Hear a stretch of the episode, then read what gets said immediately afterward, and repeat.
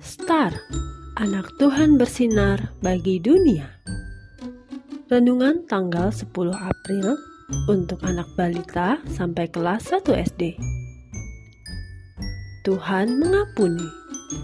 Diambil dari Injil Lukas pasal 23 ayat 34a. Ya Bapa, ampunilah mereka sebab mereka tidak tahu apa yang mereka perbuat. Siang itu sangat panas. Para prajurit dengan kasarnya membawa Tuhan Yesus ke suatu tempat bernama Tengkorak.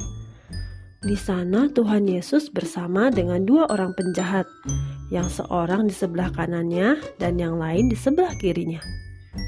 Kemudian Yesus berkata, "Ya Bapa, ampunilah mereka, sebab mereka tidak tahu apa yang mereka perbuat."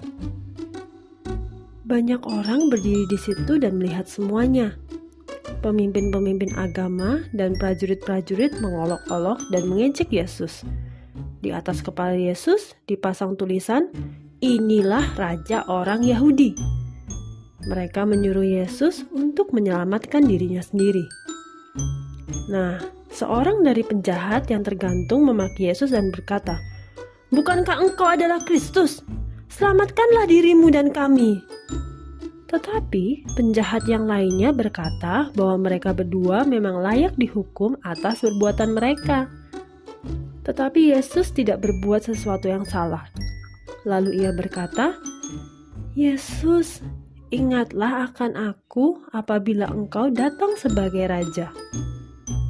Yesus lalu berkata, "Aku berkata kepadamu, Sesungguhnya hari ini juga engkau akan ada bersama dengan aku di dalam Firdaus.